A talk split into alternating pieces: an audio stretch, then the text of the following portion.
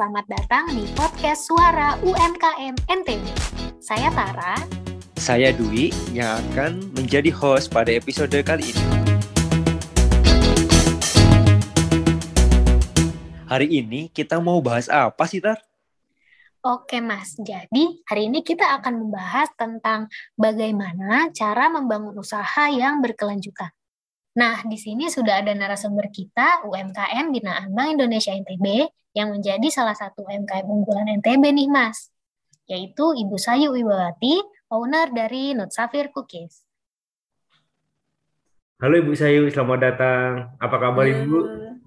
Halo Pak Dwi, Mbak Tara. Sehat Ibu ya?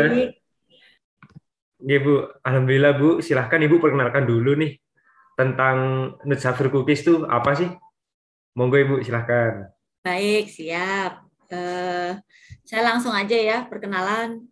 Jadi Musafir Cookies itu kue kering dari biji-bijian hasil pertanian dari Nusa Tenggara Barat.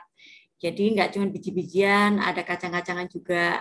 Jadi berdirinya eh, di tanggal 11 September 2012. Awalnya cuma bikin berdua dengan kakak saya, dibantu satu orang eh, asisten rumah tangga. Nah, ternyata dari satu butir kacang hijau yang pertama kali kita bikin, eh, kemudian kita coba tawarkan ke teman-teman, ternyata banyak yang suka gitu. Eh, itu awal mulanya akhirnya yang membuat saya mulai bersemangat untuk membuat kue kering dari biji-bijian yang lain karena saya melihat potensi yang ada di Nusa Tenggara Barat ini banyak sekali kearifan lokal yang bisa kita olah uh, menciptakan makanan yang sehat untuk anak-anak terutama waktu itu gitu. Karena sekarang ini yang dicari sama orang itu uh, dengan adanya banyaknya macam penyakit yang mungkin zaman dulu belum banyak ya macam-macam Iya. penyakit. Di zaman sekarang itu orang cenderung mencari makanan yang ada uh, mengandung nilai gizinya gitu loh. Jadi kalau kita punya produk yang punya nilai gizi punya kelebihan itu biasanya akan dicari oleh konsumen Nah, pas banget gitu. Jadi pas kita bikin kue dari biji-bijian, yang pertama kali adalah kacang hijau. Ya, itu awalnya kenapa membuat uh, Nutsafir Cookies. Iya, keren banget sih, Bu. Mak- Ternyata Ibu tuh bisa baca peluangnya langsung diambil saat itu juga, akhirnya jadi usaha gitu ya, Bu ya. Iya, benar Mbak Tara. Dengan Kalau- memanfaatkan kearifan lokal yang ada. Lanjut ya, Bu. Kan tadi saya udah dengar ya pertamanya dari usahanya itu cuma berdua sama kakak. Terus akhirnya nih bisa sampai sekarang gitu, Bu. Kira-kira Ibu masih ingat nggak sih pengalaman atau rasa bangga, rasa senangnya ketika Ibu dapat omset 100 juta pertama Ibu? Bisa diceritain nggak perjalanannya gimana, lika-likunya gimana, terus sampai akhirnya eh, dapat nih gitu omsetnya mencapai 100 juta yang pertama kali gitu. Mungkin boleh di-sharing Iya, makasih Mbak Tara. Jadi eh, pertama mulai usaha itu jujur mungkin cuma satu juta ya sebulan ya, karena masih kita mengemasnya juga dengan sangat sederhana. Kemudian kita juga memasarkannya masih ke toko-toko kecil, kita titip-titip seperti itu.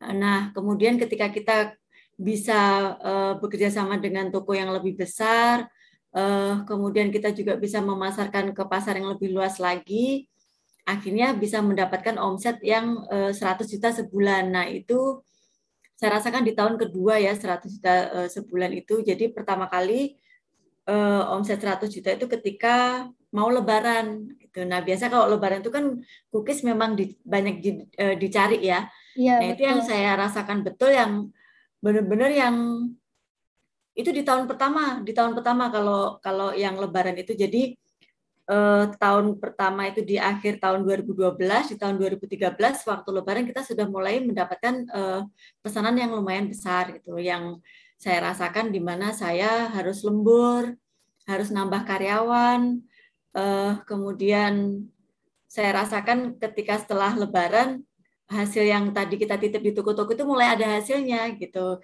Jadi titip di beberapa toko, eh, selain juga ada pesanan langsung dari teman-teman, ternyata setelah lebaran itu ngerasain wah ternyata jualan kue itu bisa dapat jutaan ya gitu. Yang yang itu benar-benar saya rasain pertama kali gitu. Jadi lebaran di tahun yang 2013 itu saya baru merasakan dapat uang puluhan juta hanya jualan kue dari rumah gitu. Itu pertama kali pengalaman yang saya rasakan luar biasa. kalau di awal-awal tadinya kan cuma yang satu juta per bulan gitu Bu. Itu ada rasa balik modalnya kapan nih gitu? Itu pernah nggak Ibu rasakan kayak gitu? Iya pernah. Jadi karena kita kan masih titipnya di toko kecil-kecil, di warung-warung kecil. Kemudian kita juga masih kemasnya pakai mika bening yang kita isolasi, kita staples seperti mungkin kalau uh, kita ke pasar kan sering ada ya. Nah, dengan kemasan sangat sederhana itu otomatis kita tidak bisa menjual dengan harga yang lebih mahal. Nah, itu saya rasakan gitu loh setiap hari saya harus membuat kue kemudian satu juta itu kalau waktu itu dengan hanya mengemas seperti itu mungkin untungnya cuma seratus ribu. Karena kita nggak ini ya nggak pikirkan ya eh, baru mulai usaha di mana kita butuh waktu tenaga transport untuk nitip dari toko ke toko. Kemudian kita setiap minggu kita ngecek dari toko ke toko lagi yang kita kerjakan sendiri waktu itu gitu. Jadi hampir semuanya kita kerjakan sendiri masih dari buat kuenya, kita nawarkan ke tokonya, kita nagihnya, semuanya kita kerjakan sendiri. Dan saya rasakan dengan penghasilan segitu sangat-sangat eh, apa ya tidak cocok dengan waktu yang terbuang gitu. Nah kemudian setelah dua bulan tiga bulan memulai usaha itu kemudian melihat eh, sepertinya dengan kemasan seperti ini tidak akan mendapatkan untung yang bagus gitu Nah, saya melihat di Lombok ini kan pariwisata waktu itu kan bagus ya, pariwisata mulai uh, dikenal di uh, apa banyak daerah, banyak negara. Nah, saya berpikir kalau saya bisa mengemas dengan lebih bagus, bisa menjadi oleh-oleh masuk di eh, toko-toko uh, besar, masuk di toko oleh-oleh pasti akan meningkatkan profit dari produk tersebut gitu loh.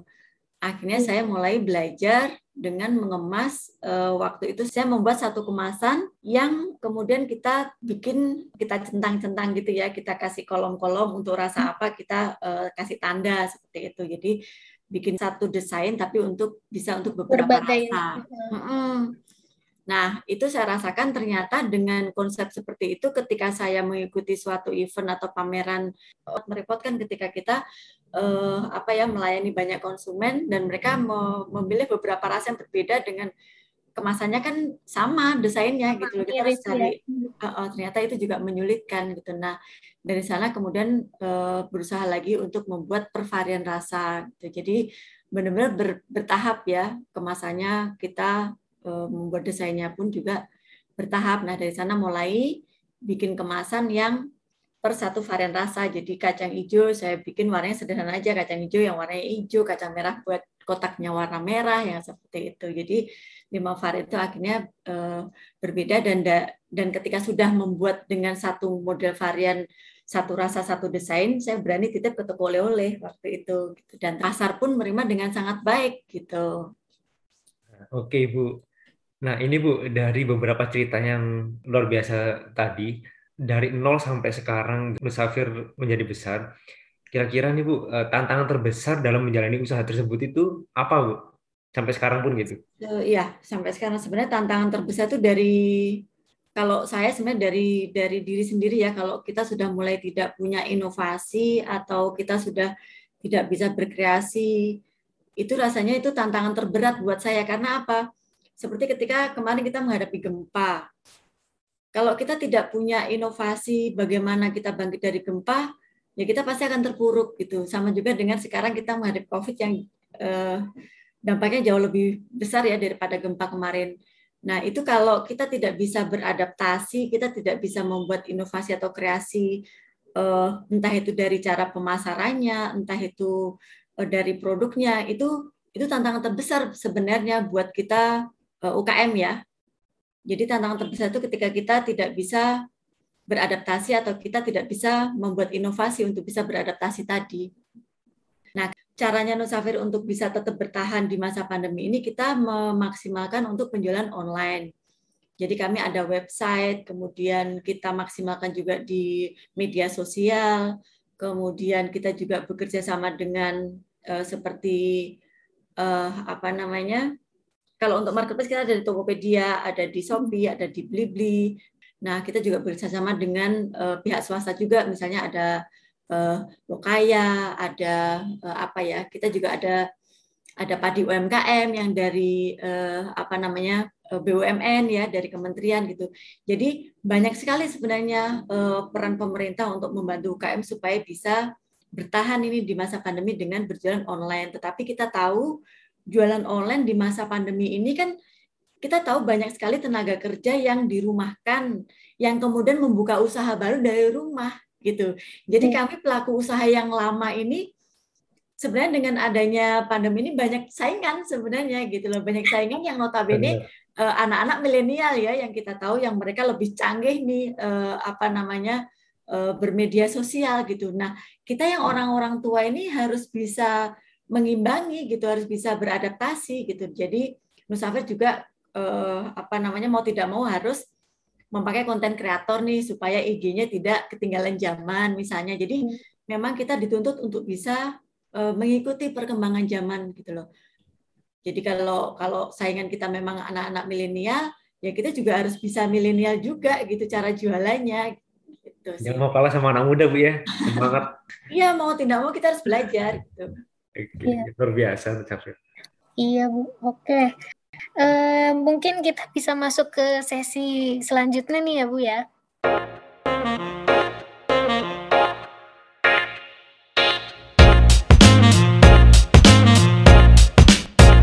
Jadi di sesi ini akan ada uh, sesi jawab cepat di mana nanti ada 10 pertanyaan yang akan kami berikan terus nanti Ibu Sayu harus menjawab cepat dalam tiga detik gitu. Wah. Siap nggak nih Bu? Siap. Udah siap ya. Oke, kita mulai aja nih. Pertanyaan pertama. Siapa pendukung nomor satu Bu Sayu dalam menjalankan usaha? Ibu dan keluarga. Ikut lomba atau ikut komunitas usaha? Ikut lomba tapi yang selektif. Lebih sulit masa COVID 2020 atau gempa 2018? COVID. Personal selling atau mass selling? Mass selling. Oke, lanjut. Pencatatan manual atau pencatatan digital? Digital. Reseller atau dropship? Dua-duanya bagus sih, tapi lebih lebih nyaman mungkin dropship ya. Oke. Okay. Okay. Pertanyaan ketujuh, banyak pelanggan tapi hanya sekali beli atau sedikit pelanggan namun setia? Sedikit pelanggan tapi setia. Oke, okay. lanjut Bu ya. Oke, Mas Dwi ya. Mas Dwi okay. packagingnya bagus tapi mahal atau packaging biasa tapi murah? Packaging bagus tapi mahal dengan kualitas produk yang terjaga. Luar biasa. Lanjut Mbak Tora. Pembayaran tunai atau pembayaran non tunai? Non tunai. Nah ini yang terakhir nih. Transfer atau pakai kris? Transfer. Oh, gitu. Oke oke. Gak usah mau sih Mbak Tora. Transfer bisa langsung. Yang penting non tunai Mbak Tora ya. Iya. iya. Mantap Ibu. Luar biasa. Jawabnya eh, cepat dan lugas ya Bu ya, keren. Hmm. Nah, dari pertanyaan-pertanyaan itu jadi eh, agak-agak penasaran nih Bu. Kalau tadi lebih milih pembayaran non tunai itu kenapa Bu alasannya? Uh, lebih praktis ya Mbak Tara ya. Karena apa? Uh, kita tidak perlu menyediakan uang untuk kembalian. Karena kita kesulitan kadang kadang ya kalau ada orang belanja tiba-tiba kita nggak punya uang kecil itu kan sangat merepotkan ya. Setuju. saya lebih senang kalau uh, non tunai jujur lebih senang kalau non tunai jadi berapapun nominalnya itu kita nggak repot. Karena kadang kalau kembali nggak ada ya udah nggak apa-apa. Misalkan kita ikhlasin aja atau apa sebenarnya nggak masalah sih. Cuman Uh, kalau pembayaran tunai itu lebih merepotkan, apalagi di masa pandemi itu jujur waktu pertama kali COVID itu uang yang kita terima dari uh, customer itu kita kresekin dulu Mbak Tara, habis itu kita setrika atau kita jemur saking kita takut ya kena, uh, virus ya, uh, karena kita nggak tahu uang dipegang sama siapa aja gitu. Jadi kami lebih senang kalau uh, non tunai. Iya betul tuh teman-teman pendengar nih, ternyata tuh pembayaran non tunai itu lebih praktis, higienis dan juga lebih bagus ya Bu ya. Yang iya, pastinya nggak ribet Mbak Tara ya. Nggak ribet, iya. Uh, Oke, terus tadi Bu ada lebih memilih ikut lomba namun selektif dibandingkan ikut komunitas usaha ya Bu. E, kalau dari yang pengalaman-pengalaman usaha ini saya lihat ada udah pernah juara satu Sida Karya Awards 2020, juara tiga nasional Master Oleh-oleh Blue Band, terus ada juara satu kategori UKM halal terbaik se-Indonesia. Aduh banyak deh pokoknya nih. Banyak itu tips dan triknya gimana itu Bu dari uh, biar nih teman-teman pendengar ini bisa tahu gimana sih caranya ikut lomba, gimana sih biar bisa menang gitu Bu. Boleh di-sharing nggak Bu? Iya, jadi sebenarnya kalau kita mengikuti kompetisi itu sebenarnya kan banyak pembelajaran ya di setiap kompetisi itu karena setiap kompetisi itu kan pasti ada persyaratannya, kemudian uh, ada kurasi-kurasinya. Nah, itu kan banyak sekali pembelajaran. Nah, itu yang saya dapatkan ketika uh, mengikuti uh, beberapa kali kompetisi gitu. Bukan berarti kalau kita ikut komunitas usaha itu tidak bagus, uh, bukan berarti seperti itu karena kita punya usaha juga uh, butuh komunitas ya. Tetapi saya lebih memilih fokus ketika ada misalnya ada sebuah kompetisi sekarang kalau kompetisi itu kita bisa selektif, biasanya persiapan kompetisi itu nggak cuma satu dua hari, Mbak Tara, Pak Dwi. Jadi kadang satu kompetisi itu bisa satu sampai dua bulan, bahkan sampai berbulan-bulan yang itu memerlukan pendampingan. Kemudian ketika kita mengerjakan apa sih persyaratan dari kompetisi itu, itu adalah proses proses belajar gitu loh. Jadi di setiap kompetisi itu ada eh, pelajaran-pelajaran yang sangat berharga untuk kemajuan sebuah usaha. Gitu. Nah itu yang saya senang eh, ketika mengikuti sebuah kompetisi gitu loh, karena kita mendapatkan banyak sekali eh, ilmu untuk memperbaiki manajemen usaha. Nah, ketika kita mengikuti sebuah kompetisi, misalnya kemarin kan yang di 2020 ketika pandemi kan ikut kompetisi berinkubator Go Global. Nah, itu kan kita ada pendampingan itu uh, kita di coaching selama um, yang yang mentornya selama lima hari, kemudian kita di coaching itu satu bulan setengah. Nah, yang selama lima hari itu ada 19 uh, eh, mentor yang yang mentoring kita yang di mana kita benar-benar dapat banyak banyak sekali ilmu. Nah, dari sana saya harus fokus gitu untuk bisa mengikuti uh, kompetisi tersebut dengan baik gitu. Uh, apa saja sih yang diberikan oleh mentor-mentor itu?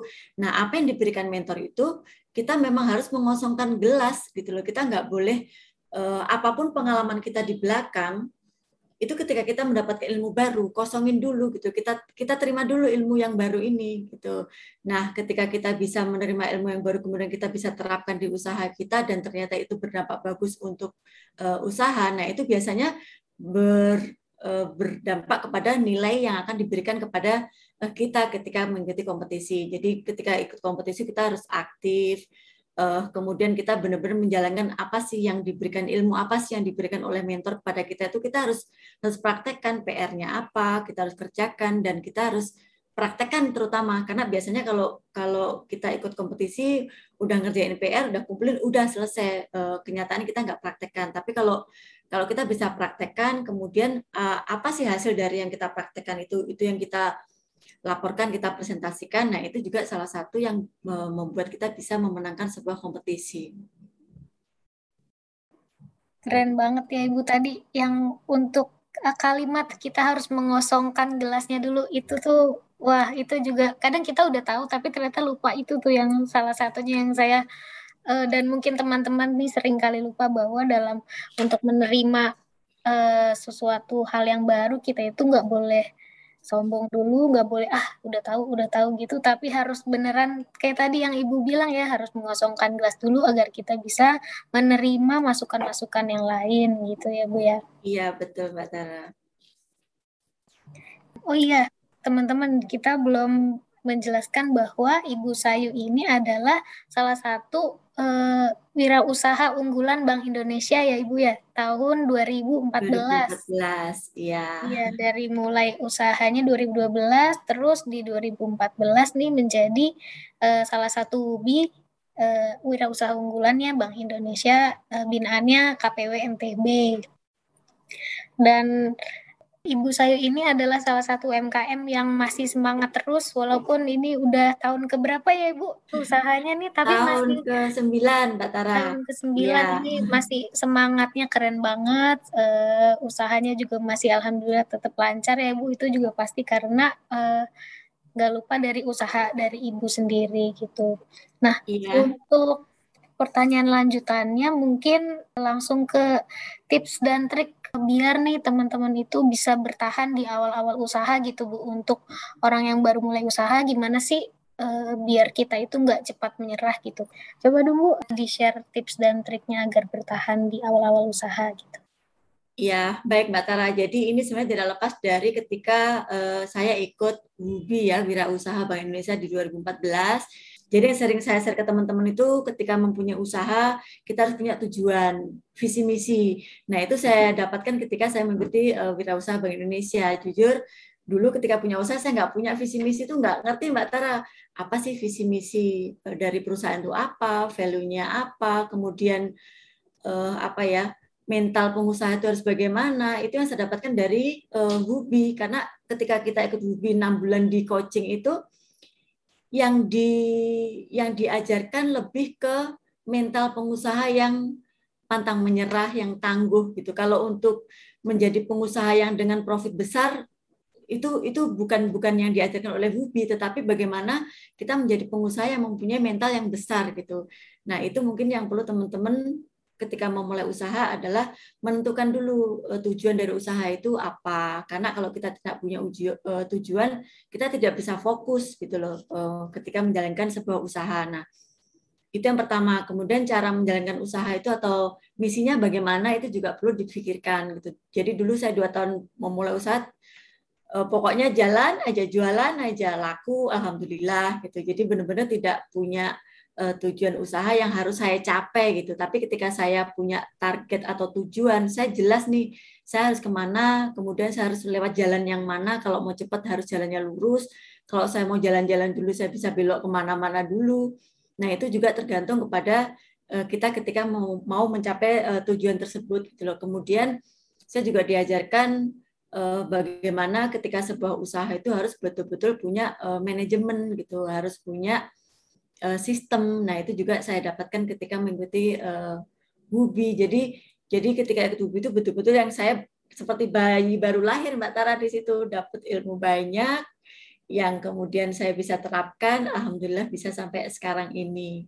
Alhamdulillah keren banget Bu.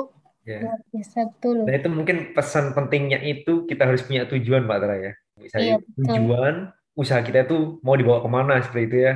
Mungkin teman-teman pendengar bisa mempraktekkan ya goal-goal capaian. Jadi di setiap usaha itu memang harus ada goal, cap, uh, goal atau capaian tidak hanya jangka panjang, jangka pendeknya pun harus ada target seperti itu Bu ya.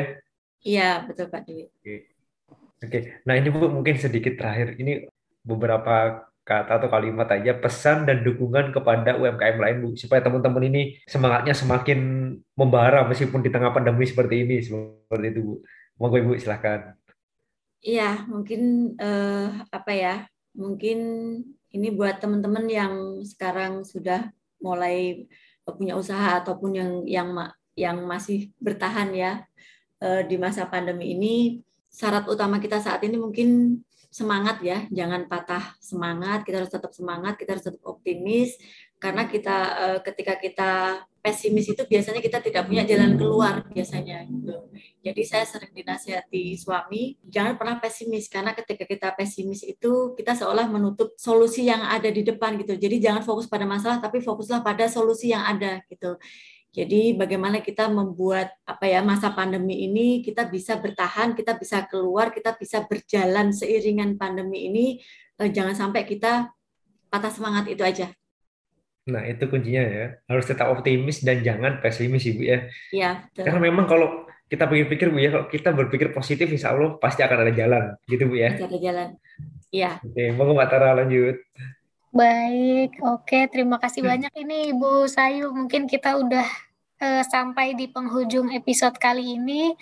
Saya dan Mas Dwi berterima kasih banyak kepada Ibu Sayu karena telah bersedia untuk menjadi narasumber pada podcast kali ini Bu dan udah sharing tentang pengalamannya, terus tips dan triknya dan juga pesan-pesan dan dukungan kepada UMKM-UMKM di seluruh Indonesia. Uh, semoga podcast ini juga bisa menarik para pendengar untuk bisa memulai usahanya nih dan yang udah mulai usaha bisa bertahan terus sampai sukses. Untuk teman-teman pendengar, jangan lupa follow Instagramnya Bank Indonesia NTB dan juga Karya Kreatif Indonesia.